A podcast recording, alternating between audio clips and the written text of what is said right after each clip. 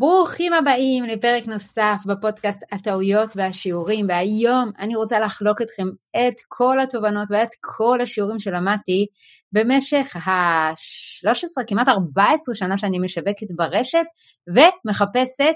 כל הזמן כל הזמן רעיונות חדשים לפוסטים. אתם יודעים בהתחלה אולי יש הרבה רעיונות אבל אחרי שאתה מפרסם שנה, שנתיים, שלוש, עשר, חמש עשרה אתה מרגיש שאתה כבר חוזר על עצמך ואין לך יותר רעיונות ועל זה כתבת ועל זה כתבת וזה לא מחדש ועל זה כולם כתבו ונתקעים ובגלל שנתקעים בלי רעיונות לתוכן אז הרבה מאוד פעמים זה תוקע את השיווק וכמובן שאנחנו לא רוצים שזה יקרה. אז התכנסנו היום כדי לדבר על 15 דרכים מדהימות למצוא רעיונות חדשים לפוסטים ברשת.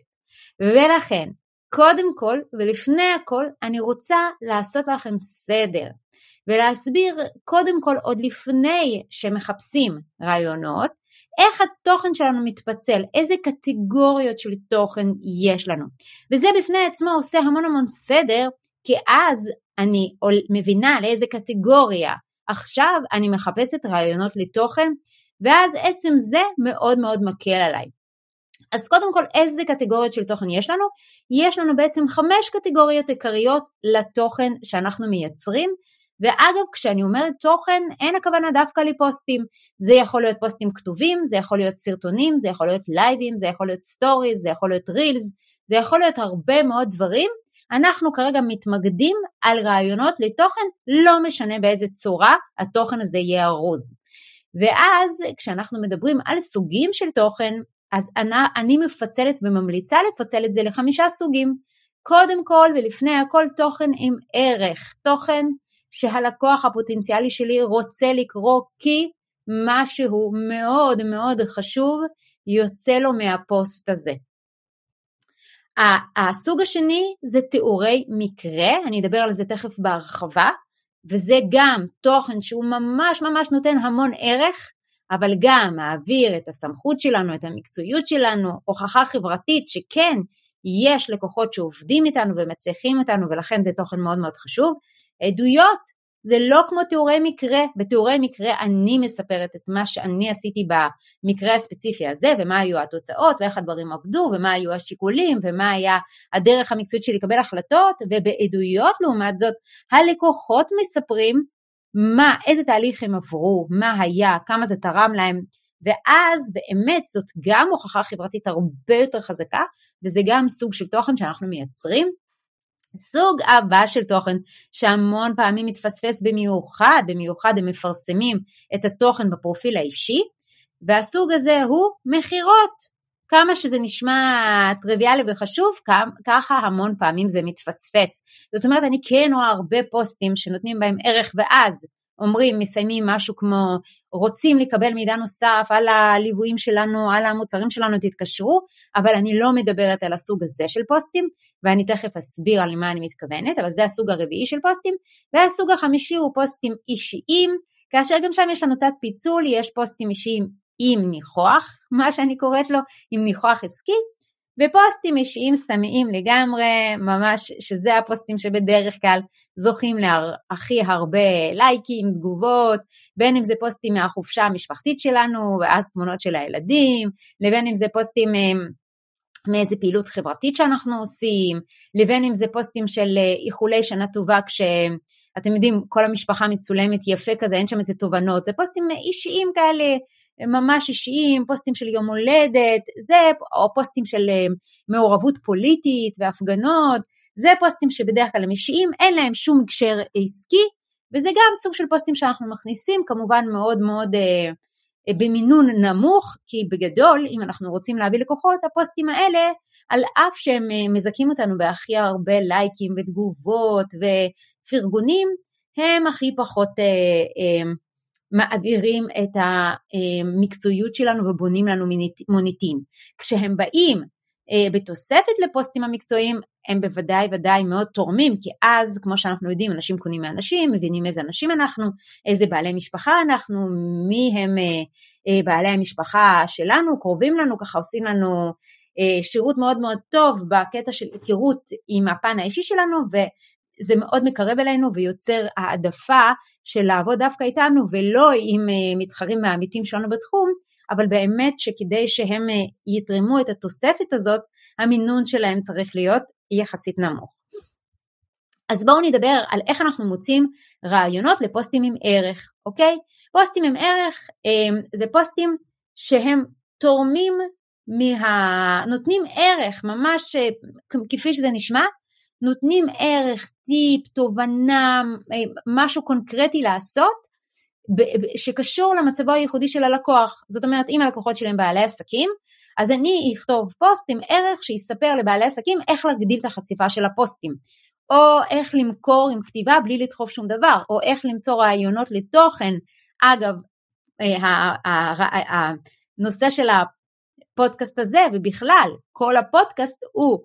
תוכן שמוגש בצורה של פודקאסט וכל שבוע אני מוצאת רעיון חדש להפיק ממנו פרק לפודקאסט, אוקיי? אז זה פודקאסט, פודקאסט או פוסט או מה שזה לא יהיה, שהם נותנים 99% של ערך, אולי מדי פעם מוזכרת פה איזה מכירה, הצעה, המלצה, אה, הנאה לפעולה להמשיך לליוויים אצלנו, אבל הפוסט, הפרקים עצמם וגם הפוסטים שאני כותבת אותם כפוסטים עם ערך הם ב-99% מהתוכן שלהם מטרתם להעביר ערך לקוראים ולמאזינים, אוקיי? מה חשוב שיהיה בפוסטים עם ערך? קודם כל חשוב שעל השנייה הראשונה יהיה ברור שיש בהם ערך, שזה לא הולך להיות סיפור אישי, שזאת לא הולך להיות אה, אה, מכירה, אלא ממש נותנים לי ערך בחינם, נותנים לי פה תוכן שהולך לעזור לי. שיהיה כתוב קולח, כן? כי אנחנו משקיעים בתוכן, אבל אם הוא תוכן שהוא כתוב ככה מקרטע, או כתוב מדי מקצועי, או כתוב בצורה כבדה ועם המון המון פרטים, אז אנשים מאבדים את זה. אמ, מה שעוד חשוב בתוכן עם ערך שיהיו, מבוסס, שיהיו מבוססים על בעיה אמיתית של הלקוח, ממש בדרך שהוא מבטא אותה, לא לייפות אה, בעיה אמיתית ולהפוך אותה לאיזה מונחים מקצועיים, אה, כמו לדוגמה שההורה אומר למאמן או איש מקצוע שהוא פוגש אותו פסיכולוג, שממש מפריע לו שהילד מקלל אותו, ואז המאמן או הפסיכולוג או איש מקצוע אומר על איך לבנות תקשורת מקרבת בין הורים למתבגרים, אוקיי? עכשיו בוודאי תקשורת מקרבת זה מונח הרבה יותר מקצועי, אבל ההורים לא קמים בבוקר וכואב להם שאין להם תקשורת מקרבת עם הילדים. במקרה הספציפי הזה, מה שכואב להם זה שהילד יכול לקלל אותם בריב, תוך כדי ריב, לא מכבד אותם, מקלל אותם, טורק את הדלת, לא מתייחס אליהם כמו שאנחנו לצורך העניין התייחסנו להורים, זה מאוד מאוד כואב. אז במקום להגיד, יצרתי לכם תוכן על איך אה, לבנות תקשורת מקרבת בין הורים למתבגרים, אה, אפשר ממש לקרוא לילד בשמו ולהגיד, הכנתי לכם פוסט או, או סרטון שמסביר איך לנהוג במצבים שהילד מקלל, טורק את הדלת ומביע בכל דרך אפשרית שאין לו טיפת כבוד אליכם. אאוץ'. מי שקורא וזאת הבעיה הכואבת אצלו בבית, זה ממש יגע לו, הוא ממש ירצה לקרוא, ממש יבין שיש פה ערך עבורו, וזאת המטרה של הפוסט אה, מהסוג הזה, אוקיי? אפשר גם, וחשוב גם, להכניס קרדיביליות בפוסט, לא רק אה, לתת תוכן, אלא להתחיל לבנות את המוניטין שלנו כשאני נותנת ערך ואני מביעה את הידע שלי והניסיון שלי, אני בעצם בונה לעצמי מוניטין. אבל אני לא עושה את זה אך ורק על ידי זה שאני פשוט מלמדת משהו או נותנת ערך, אלא אני מכניסה קרדיטים לעצמי וככה אני במצטבר עם כל התוכן שאני יוצרת אה, צוברת מספיק קרדיטים כדי שייבנה מוניטין חזק. אז נגיד אם אני נותנת איזשהו ערך, אה, תובנה, טיפ, אז אני הרבה פעמים יכולה להוסיף, למדתי את הטיפ הזה מהתואר השני, או קראתי את זה במאמר החדש של אה, פרופסור ככה וככה, או אה, בהשתלמות האחרונה דיברנו על, או זאת אומרת אני באה, או הלקוח הראשון שהיה אצלי לפני 15 שנה, הבעיה שהוא היה בה, זאת אומרת על הדרך אני מכניסה כל מיני קרדיטים, נקודות זכות כאלה, שבמצטבר אם בן אדם שומע שאני מטפלת כבר 15 שנה ושלמדתי בהאווארד ושאני קוראת מאמרים עדכניים של הפרופסור ההוא וההוא ושאני טיפלתי לאורך השנים בלקוח המאה שלי זה היה ככה וככה. בקיצור זה לא משנה מה אבל במצטבר כל הדוגמאות האלה בונים אה, צוברים עבורי קרדיט מספיק חזק ובונים לי מוניטין מאוד מאוד מבוסס, אוקיי? אז אחרי שהבנו מה זה תוכן עם ערך, בואו נבין איך אנחנו מוצאים רעיונות לתוכן עם ערך, אוקיי? אז הדבר הראשון והטריוויאלי ביותר זה השאלות של הלקוחות. אנחנו מטפלים, מלווים, פוגשים לקוחות אמיתיים שנמצאים במפגש איתנו ברמה יומיומית, ויש להם שאלות אמיתיות וקיומיות שהם שואלים אותנו, ואנחנו יכולים להפוך את זה לפוסט. לדוגמה, לקוח אחד שאני מלווה אותו, שהוא גם לקוח עסקי, השאלה שעלתה אה, על השולחן בתהליך הליווי, כי זה ליווי פיננסי, זה האם נכון למשכן את הבית הפרטי כדי שאפשר יהיה לקבל הלוואה מאוד מאוד זולה יחסית לתנאים שיש בשוק, בדרך כלל משכנתה זאת הלוואה יחסית זולה, ועל ידי כך להתחיל לעשות פיתוח עסקי. זאת אומרת, זה שאלות, בדרך כלל שאלות של לקוחות, הן שאלות עמוקות, הן שאלות מתוך קרבה, הן שאלות שהן באמת מטרידות הרבה מאוד אנשים, והן כנות והן אותנטיות והן אמיתיות, ואני פשוט יכולה להפוך את זה לתוכן כתוב. עכשיו אני לא חייבת לעשות את זה בסמוך לשאלה שנשאלה כדי שהלקוח אולי לא ירגיש אה, נבוך מזה, אני יכולה בהחלט לעשות לעצמי רשימה של נושאים כאלה ולכתוב על זה אחרי חודש, חודשיים והלקוח הזה לא בהכרח מקשר שזה קשור למקרה שלו, אני גם לא חייבת לתת את כל הפרטים שהיו במקרה הספציפי של הלקוח, אלא בכלל להעלות את הסוגיה הזאת, האם זה שווה האם אה, זה נכון לערבב בין שמחה לשמחה, בין עסק לבית? האם זה נכון למשכן בית, שזה בעצם העוגן שלנו, למען פיתוח העסק, שזה משהו שהוא קצת יותר מסוכן, נתפס כיותר מסוכן וכו' וכו', זה בהחלט נושא שאפשר לכתוב עליו. אז אמרנו, המקום הראשון למצוא בו רעיונות לתוכן זה מתוך שאלות והתקשורת היומיומית עם הלקוחות שלנו. פשוט בסוף היום תעצרו רגע ותשאלו את עצמכם מה היה היום בפגישות שלנו היה נראה מאוד מאוד טריוויאלי, ענינו, טיפלנו וקידמנו אנשים או ענינו לאנשים על השאלות וזה מאוד מאוד טריוויאלי לנו, אבל לאנשים אחרים, אם הם ישמעו על זה, או אותו לקוח האמיתי שדיברנו אותו, זה היה משהו שהוא פורץ דרך, מחדש, ומשהו שיכול באמת באמת לתרום הרבה ערך גם לאנשים אחרים. המקור השני למציאת רעיונות זה כמובן לקוחות הפוטנציאליים. ממש בשיחות מכירה שאנחנו מקיימים עם לקוחות פוטנציאליים עולות הרבה מאוד שאלות. הן בדרך כלל פחות מעמיקות מהשאלות של הלקוחות האמיתיים, הן יותר שטחיות, יותר מעלות סקפטיות, יותר בכלל רוצים אה, לקבל אה, תשובות בהשוואה לאלטרנטיבות, וזה גם בהחלט נושאים לכתוב עליהם. לדוגמה, אם אני בתחום התזונה הבריאה, ויש לי לקוח שפונה אליי והוא ככה, אה, יש לו נאמר שלא נדע סכרת, אז הוא יכול להעלות כל מיני תהיות לגבי בכלל האופן של הטיפול ברפואה טבעית, מה זה אומר אני אפסיק כדורים, מה זה לא מסוכן, זה לא יכול לעשות נזק, מה פתאום אני אוכל ענבים לצורך העניין, זה המון המון סוכר וכך הלאה. זה שאלות שהן עוד, אה, שהן שאלות מסוג אחר, שעוד בכלל, שאלות כאלה של בכלל האם התחום שלנו הוא יכול להיות פתרון לבעיה או אתגר שיש לאנשים, וזה משהו בהחלט בהחלט לכתוב עליו. אז לכן אני ממליצה כשאתם עושים שיחות מכירה, להחזיק עט ודף ופשוט לכתוב את השאלות שעולות, כי אחר כך קשה לזכור, פשוט לכתוב תוך כדי את השאלה שעלתה ולכתוב על זה פוסט. הדרך השלישית למצוא רעיונות היא להיכנס לקבוצות פייסבוק בנושאים שאנחנו מטפלים. לדוגמה, אם אני עוסקת בשיווק, אז נכנסתי אתמול לקבוצה של אני שולמן. עשיתי בחיפוש, יש מין אה, אה, זכוכית מגדלת כזאת שמאפשרת לעשות חיפוש בתוך קבוצה, אז עשיתי חיפוש בקבוצה עם מילה שיווק, ואז מצאתי מלא מלא פוסטים שעוסקים בשיווק, חלק רלוונטיים אה, יותר, חלק רלוונטיים פחות, מכולם כמעט יכולתי להוציא נושאים לכתיבה, נגיד פוסט אחד שחזר על עצמו בווריאציה כזאת או אחרת, זה מחפש איש שיווק תותח מניסיון, אוקיי, אז אני כאשת מקצוע יכולה לכתוב על זה כמה וכמה פוסטים והשאלה הזאת חזרה על עצמה שם בכל מיני וריאציות שקודם כל מה זה,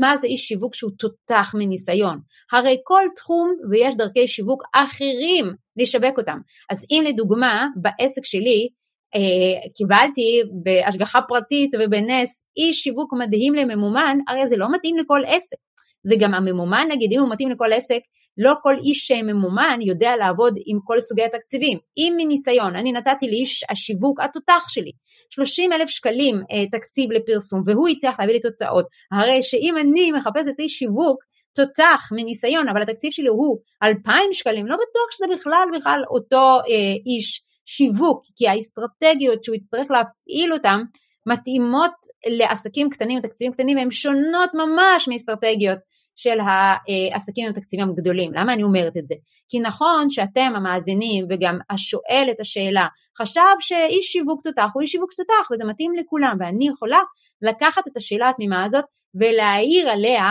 מהרבה מאוד כיוונים ובדרך הזאת גם לתת המון ערך לאנשים שמחפשים אי שיווק תותח, שזה בדרך כלל אה, אחוז מאוד מאוד ניכר מבעלי עסקים, וגם אה, לבנות לעצמי מוניטין של מישהי שמאוד מאוד מבינה בתחום ומאוד מאוד מנוסה בתחום. אוקיי, פוסט אחד אה, נוסף שנתקלתי בו שבקלות יכולתי להפוך אותו לתוכן עם ערך עבור, עבור קהילת העוקבים, זה לדוגמה שמישהו אחר בתחום השיווק, כנראה שמישהו באמת אה, שעוסק בתחום השיווק, הוא שאל איזה תפיסות יש לכם על שיווק.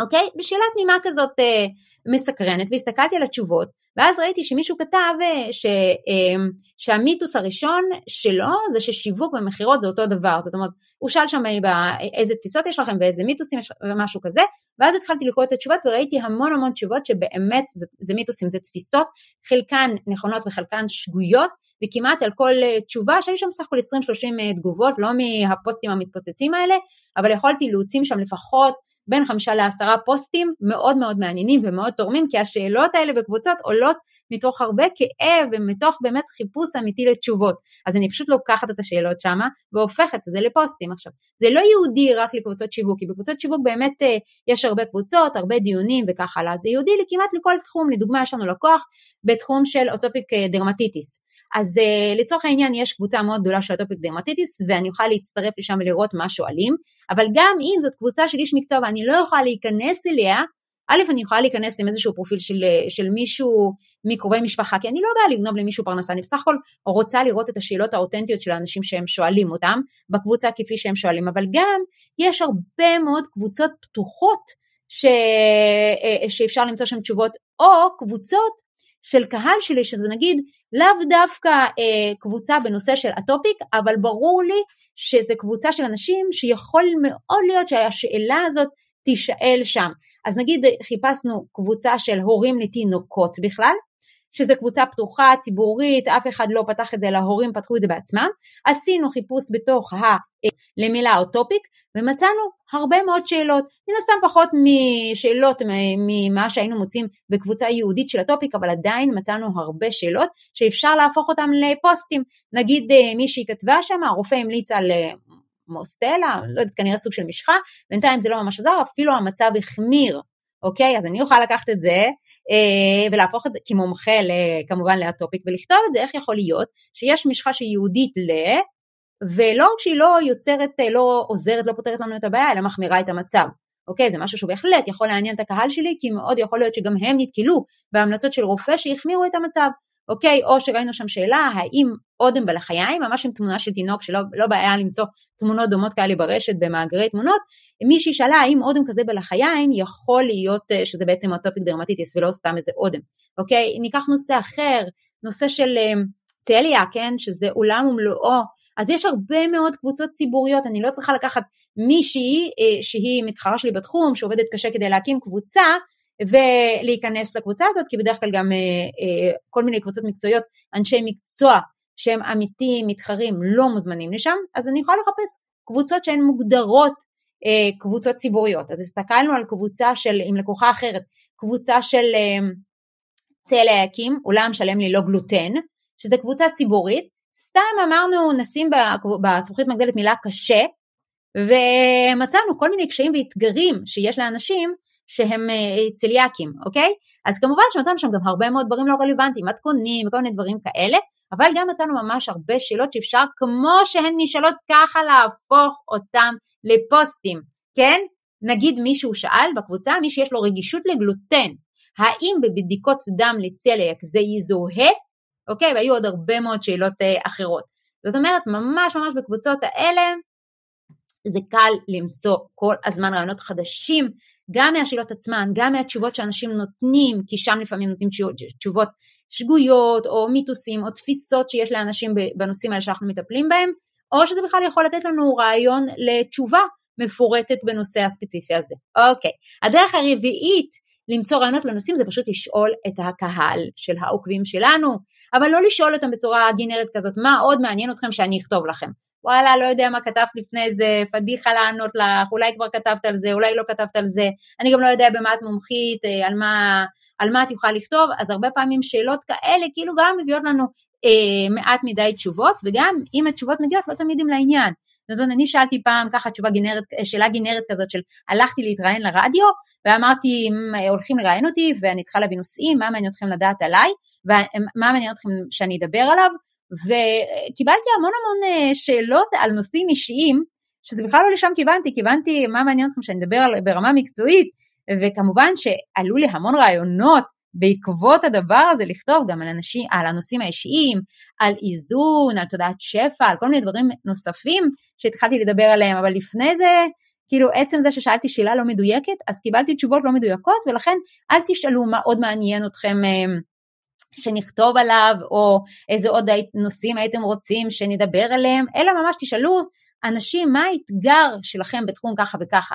כל מי שהוא סובל מצליאק או אטופיק דרמטיטיס או שיווק או לא משנה מה התחום ההתמחות שלכם, מה האתגר הכי גדול שלכם בא בתחום הזה, אוקיי? ואז אנשים יכתבו לכם את האתגרים שלהם, ואז אתם יכולים להפוך את זה לתוכן עם ערך, אוקיי? או מה השאלה הכי בוערת שלכם היום בנושא ככה וככה, בנושא של פרסום ממומן, אה, בתקציבים נמוכים, בפייסבוק, אה, בתקופה של בחירות או בתקופה של חגים, אוקיי? אז אם אני שואלת שאלה קונקרטית, אני אקבל אתגרים ושאלות קונקרטיות, ואז את זה אני אוכל להפוך לתוכן. אוקיי, דרך חמישית היא לחפש נושאים שאני עוסקת בהם בגוגל, ואז בעברית, ואז אני אקבל הרבה מאוד מאמרים, הרבה מאוד תוכן, ואני אוכל לקבל מזה השראה. עכשיו, השראה מבחינתי זה לא העתקה, הרבה פעמים אני מחפשת איזשהו נושא, רואה איזשהו מאמר, עולים לי 800 רעיונות משלי בנושא הזה, וזה פשוט נותן לי המון המון השראה. הדרך השישית היא לחפש אושיות חזקות בחו"ל. בחו"ל האושיות החזקות בכלל, הנושא הזה אם אנחנו רואים שיש עליו הרבה תגובות אנחנו ממש מקבלים גושפנקה שזה נושא טוב. כי מדובר בהיקפים הרבה יותר גדולים. אז אני אחפש או אתר שלהם או פעילות שלהם בפייסבוק או בלינקדין וכל אחד בתחום ההתמחות שלו או בטיק טוק ואני אמצא שם המון המון רעיונות, סרטונים ביוטיוב, how to, איך לפתור אטופיק דרמטיטיס, איך אה, לחנך ילדים, איך להשכיב ילדים אה, לישון בערב, איך, אה, אה, איך, איך כל הסרטוני How to, זה ממש ממש אפשר לקחת משם הרבה מאוד רעיונות, כמובן שלחפש נושאים שהם בתחום ההתמחות שלנו. דרך שמינית זה פשוט לפתוח את הספרים של כל מה שלמדנו עד היום, אוקיי? אם אני למדתי שיווק, ולמדתי תואר ראשון תקשורת, ולמדתי תואר שני משאבי אנוש, ואני עד היום, למרות שעברו כבר נצח שנים, יש לי פה את הספרות המקצועית, אני יכולה לפתוח בכל עמוד שהוא, לקחת משם זהב של חומר ולהפוך את זה לפוסט. וגם להוסיף קרדיביליות, כי אני אספר, לפני 22 שנה כשלמדתי את התואר הראשון שלי, אחת התובנות הכי חזקות אה, שלקחתי מהן, מספרו של ככה וככה, בתחום של ככה וככה, זה לא להסלים טעויות, או לא לתחזק טעויות ש, אה, אה, שעשינו כבר בעסק והשקענו בהם, אוקיי? ואז אני גם בונה לעצמי מוניטין, ואני גם, אני גם נותנת תובנה משמעותית מהתואר, וזה מאוד מאוד קל, כי פשוט פותחים ספרים, ובדרך כלל בספרים יש המון תובנות שקל לשתף אותם, פשוט אה, טיפה להפוך את זה למילים שלנו. כמובן, הדרך התשיעית זה מאמרים שקראתי לאחרונה. יש את הלימודים שעשינו בתואר ראשון, תואר שני, כל אחד בהסמכה וההכשרה שלו,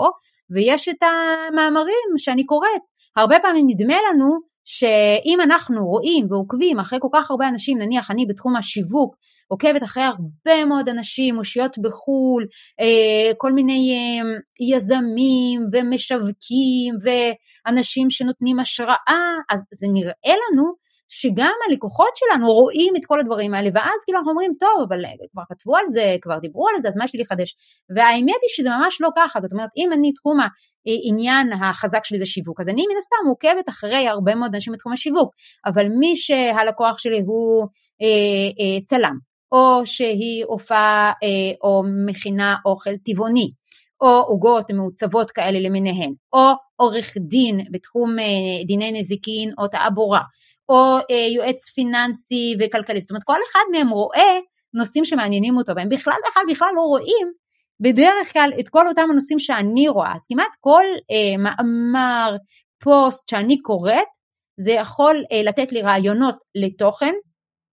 וזה יהיה ממש בגדר של מחדש עבור קהל הפוטנציאלי שלי, כי הוא כבר אה, קורא נושאים אחרים, והוא מאוד מאוד יכול לחדש לי, אוקיי?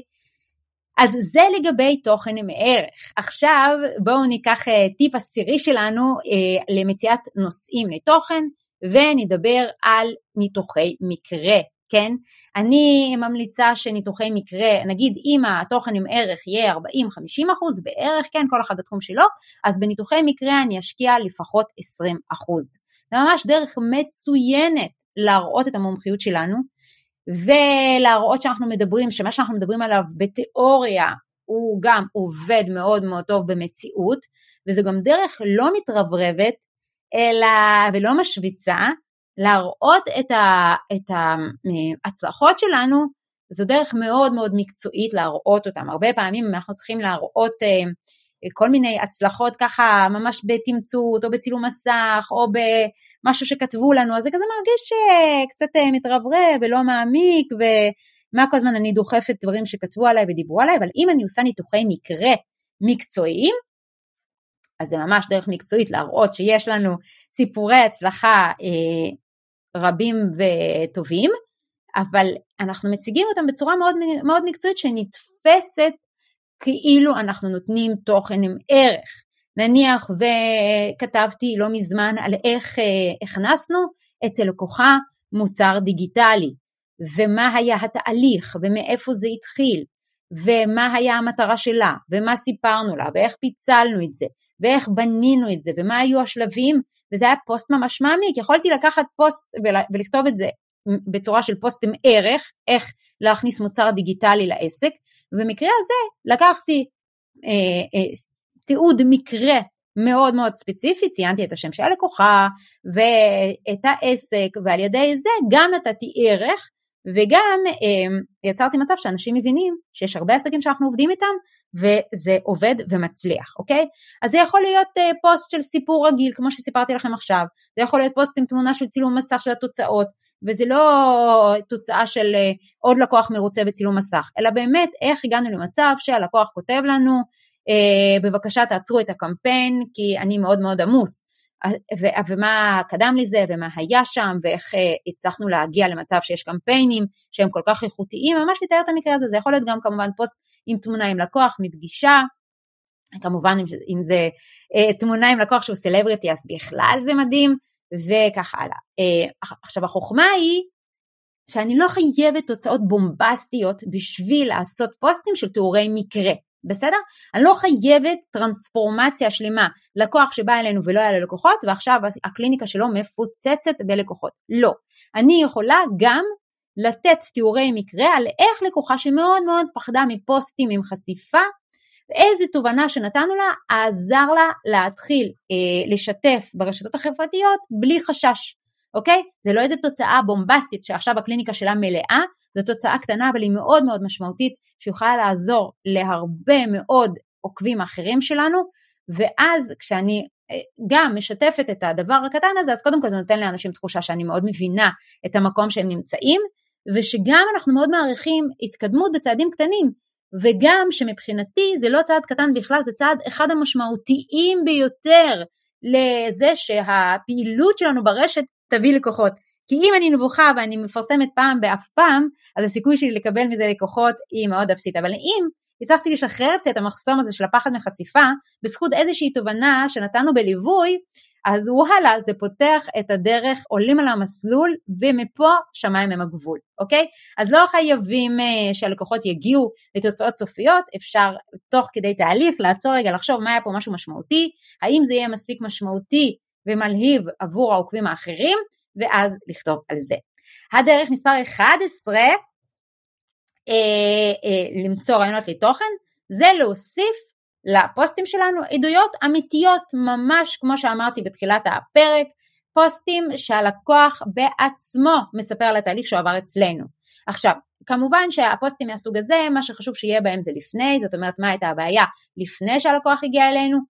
ואז הוא מוסיף מה היה תוך כדי, האם התהליך היה ארוך, קצר, נעים, קשה, אה, אה, כיפי במיוחד, קליל, מהיר וכך הלאה, ומה התוצאה היום, אוקיי? זאת אומרת, אצלנו לדוגמה יש הרבה מאוד סיפורי מקרה על לקוחות שבאו והם שיווקו, שיווקו, שיווקו, אבל התוצאות היו מעטות, ואז הם למדו אצלנו איך לעשות וובינר בקורס כזה שהוא ממש העתק הדבק כזה של ממש נותן את כל הנוסחאות, איך מתחילים וובינר, מה הכותרת שלו, איך ממשיכים, איך, לאיזה פעולה מסיימים בסוף הוובינר, איזה מיילים כותבים לפני, אחרי וכו', ואז באמת פתאום הם גילו שאיך בתוך שעה וחצי הם יכולים לייצר לעצמם 5, 10, 15 פניות של מתעניינים, כמובן תלוי בתחום ותלוי בתקציב שהושקע בפרסום, וזה עושה להם ממש קיצור של תהליכים ומשפר להם משמעותית את כמות המכירות בעסק. אז זה נשמע לפני, תוך כדי ואחרי,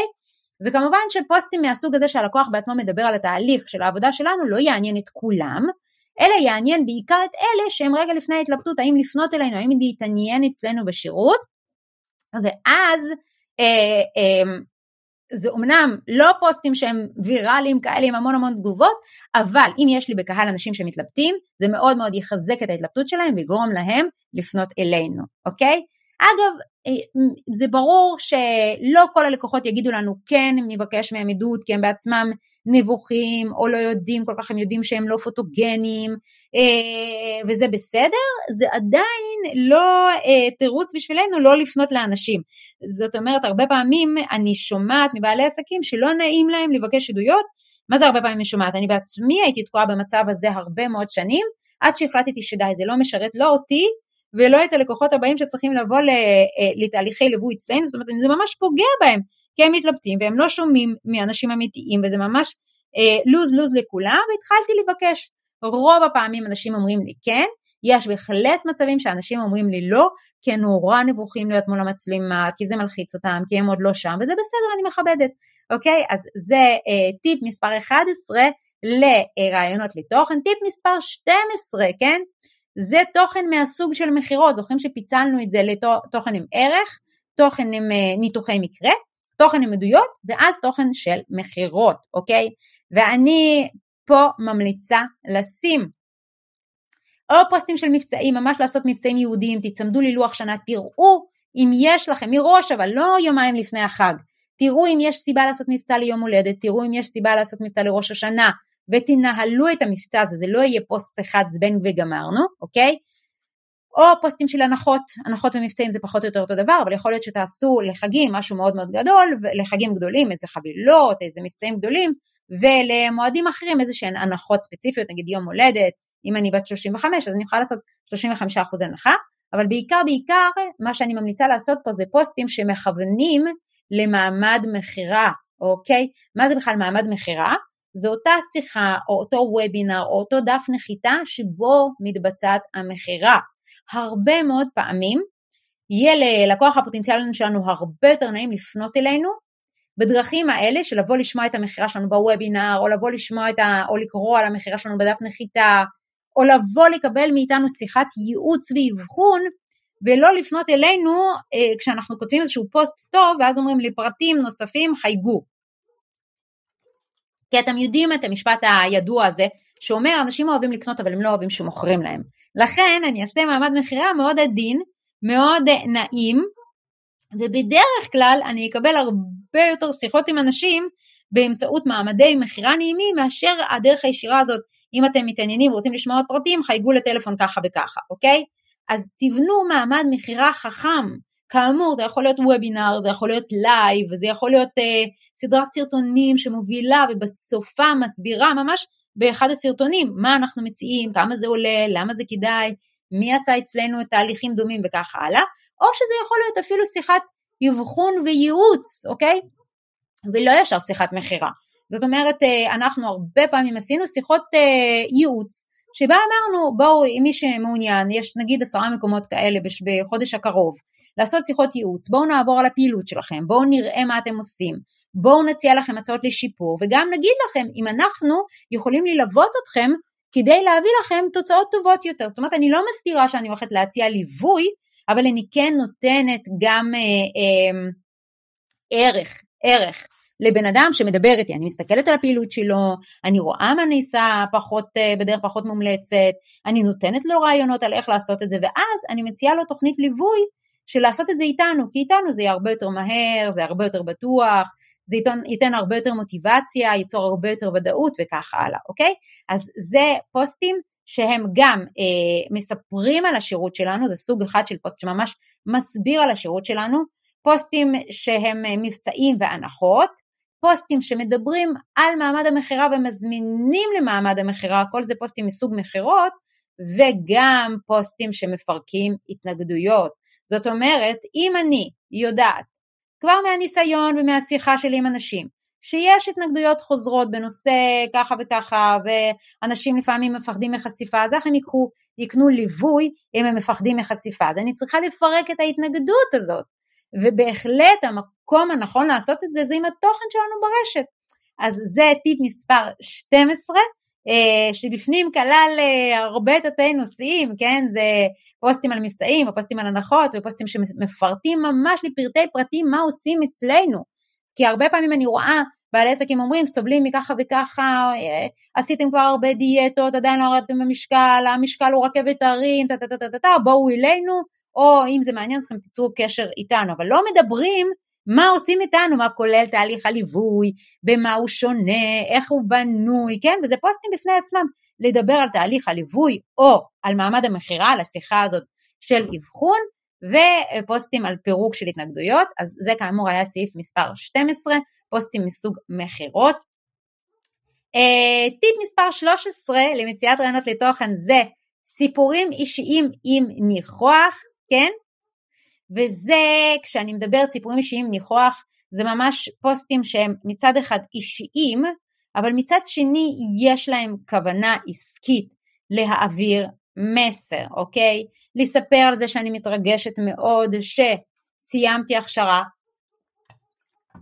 מקצועית נוספת, או לספר על זה שאני מאוד מתרגשת עכשיו בכנס שהיה לקוח שעבדנו עליו חצי שנה, זאת אומרת אני מדברת עליי, רואים אותי, איזה פוסט אישי של התרגשות, אבל אני מעבירה פה מסר סמוי בלי יותר מדי לחפור ולעשות ניתוחי מקרה של איך הכנס הזה עבד, בהחלט אפשר לעשות את זה, אבל זה יהיה בקטגוריה של ניתוח, ניתוחי מקרה. אני יכולה אה, אה, לשים תמונה שלי עם ילד על הכתפיים, אה, כשאני יושבת על הרצפה עם המחשב, על הלפטופ עובדת, וזה בקיץ, ואז אה, באמת אה, כאילו ככה האימהות עובדות, הן עושות הכל במקביל, גם נותנות יחס לילד וגם עובדות תוך כדי, וילד גם אפילו יכול לאכול ואני יכולה גם להושיט לו כל, אה, כל כמה רגעים תפוח מקולף, ואני שמה פוסט כזה מספרת, וכאילו אני מספרת עליי, כן, זה פוסט אישי, אבל תכלס זה פוסט להעביר את המסר, על חריצות, על זה שאני לא מוותרת, גם אה, בתקופות כאלה, לתת השראה לאמהות שזה בסדר שאנחנו מג'נגלות, כי מצד אחד כן הילדים מאוד חשובים לנו, אבל כן גם העסק מאוד חשוב לנו וכך הלאה, וגם ההכנסות מאוד חשובות לנו וכך הלאה, אוקיי? אז זה יכול להיות גם צילומים מכנס מקצועי, שאני עם קולגה, וקצת אה, זה מוסר השכל קטן, איך לא רציתי ללכת, כי חשבתי שזה בזבוז זמן, ואיך אה, גם פגשתי אנשים מדהימים, וגם למדתי, וככה מוסר השכל, אבל לא קשור דווקא לתחום העיסוק שלי, אלא כזאת השראה ברמה אישית. הפוסטים, אה, הטיפ מספר 11, זה סיפורים אישיים סתמיים, כן? שכאמור, כמו שהתחלתי ואמרתי קודם, הם הגורפים העיקריים להכי הרבה לייקים, והם קצת מבלבלים, כי כאילו מבאס אותנו אחר כך לראות פחות לייקים, כי אם אני שמה תמונות של הבלונדיניות שלי, או בלונדיניות שלי עם הכלב החתיך שלנו, אז וואו, אני, אני אקבל מאות לייקים ופרגונים, ואם אני אעשה איזה בדיחה, אז כנ"ל, תמונות של משפחה, ימי הולדת, אה, טיולים משפחתיים, כל הדברים האלה הם תמיד הגורפים של הלייקים והפרגונים, ואנחנו נשים אותם, כי כאמור, אנחנו רוצים שיכירו את הצד האישי שלנו, אבל המינון שלהם יהיה נמוך. והדרך האחרונה והחביבה והחדשה ממש שיש לנו למצוא את הרעיונות לפוסטים זה חברנו היקר או חברתנו היקרה הבינה המלאכותית וכמובן ה-chat GPT ואנחנו פשוט uh, כותבים אצלו אני אשמח שתתנהג כקופירייטר או כמנהל uh, פעילות ברשת חברתית ותיתן לי 30 uh, אה, רעיונות לתוכן בנושא ככה וככה. אני אוסיף רקע למקרה, אני מתמחה בזה, הלקוחות שלהם הם, או שאני אפילו אשאל את הצ'אט, אה, אני רוצה, אני אגיד לו, אני רוצה שתכתוב לי תוכן, בוא תגיד לי איזה מידע אתה צריך, ואז הוא ישאל אותי כל מיני שאלות, ואז הוא ייתן לי 30 רעיונות לתוכן, ואם זה יהיה תוכן שכבר השתמשנו בו, אז אנחנו יכולים להגיד לו, תן לי עוד 30 רעיונות, ותן לי עוד 30 רעיונות, ותן לי עוד 30 רעיונות, והוא לעולם לא מתעייף, ובאמת נותן הרבה מאוד רעיונות, אז זה ככה נכון להיום, דרך אה, נוספת למצוא רעיונות לכתיבה. אז חברים, לכתיבה וליצירת תוכן, כן, בכל אה, צורה אז חברים, באמת, שלמצוא נושאים זה אחד הדברים שיכולים ממש לתקוע ולא, ולגרום לעסק לא לעשות שיווק. מצד שני יש כל כך הרבה דרכים למצוא רעיונות שבאמת אין סיבה שתתקעו על זה, אז אני מקווה מאוד מאוד שתרמתי עם הפרק הזה ושתפו אותי אם זה נתן לכם רעיונות ונתן לכם מוטיבציה ועשה לכם סדר איך אתם אה, מייצרים לעצמכם תוכן חדש כל הזמן. אז תודה רבה שהייתם איתי ואנחנו נשתמע בפרקים הבאים וזו ההזדמנות שלי גם לבקש אה, לשתף את הפודקאסט, לדרג את הפודקאסט ולשלוח לי רעיונות לנושאים הבאים שהייתם רוצים שאני אדבר עליהם בפודקאסט. אז תודה רבה שהייתם איתי ואנחנו נשתמע בפרק הבא.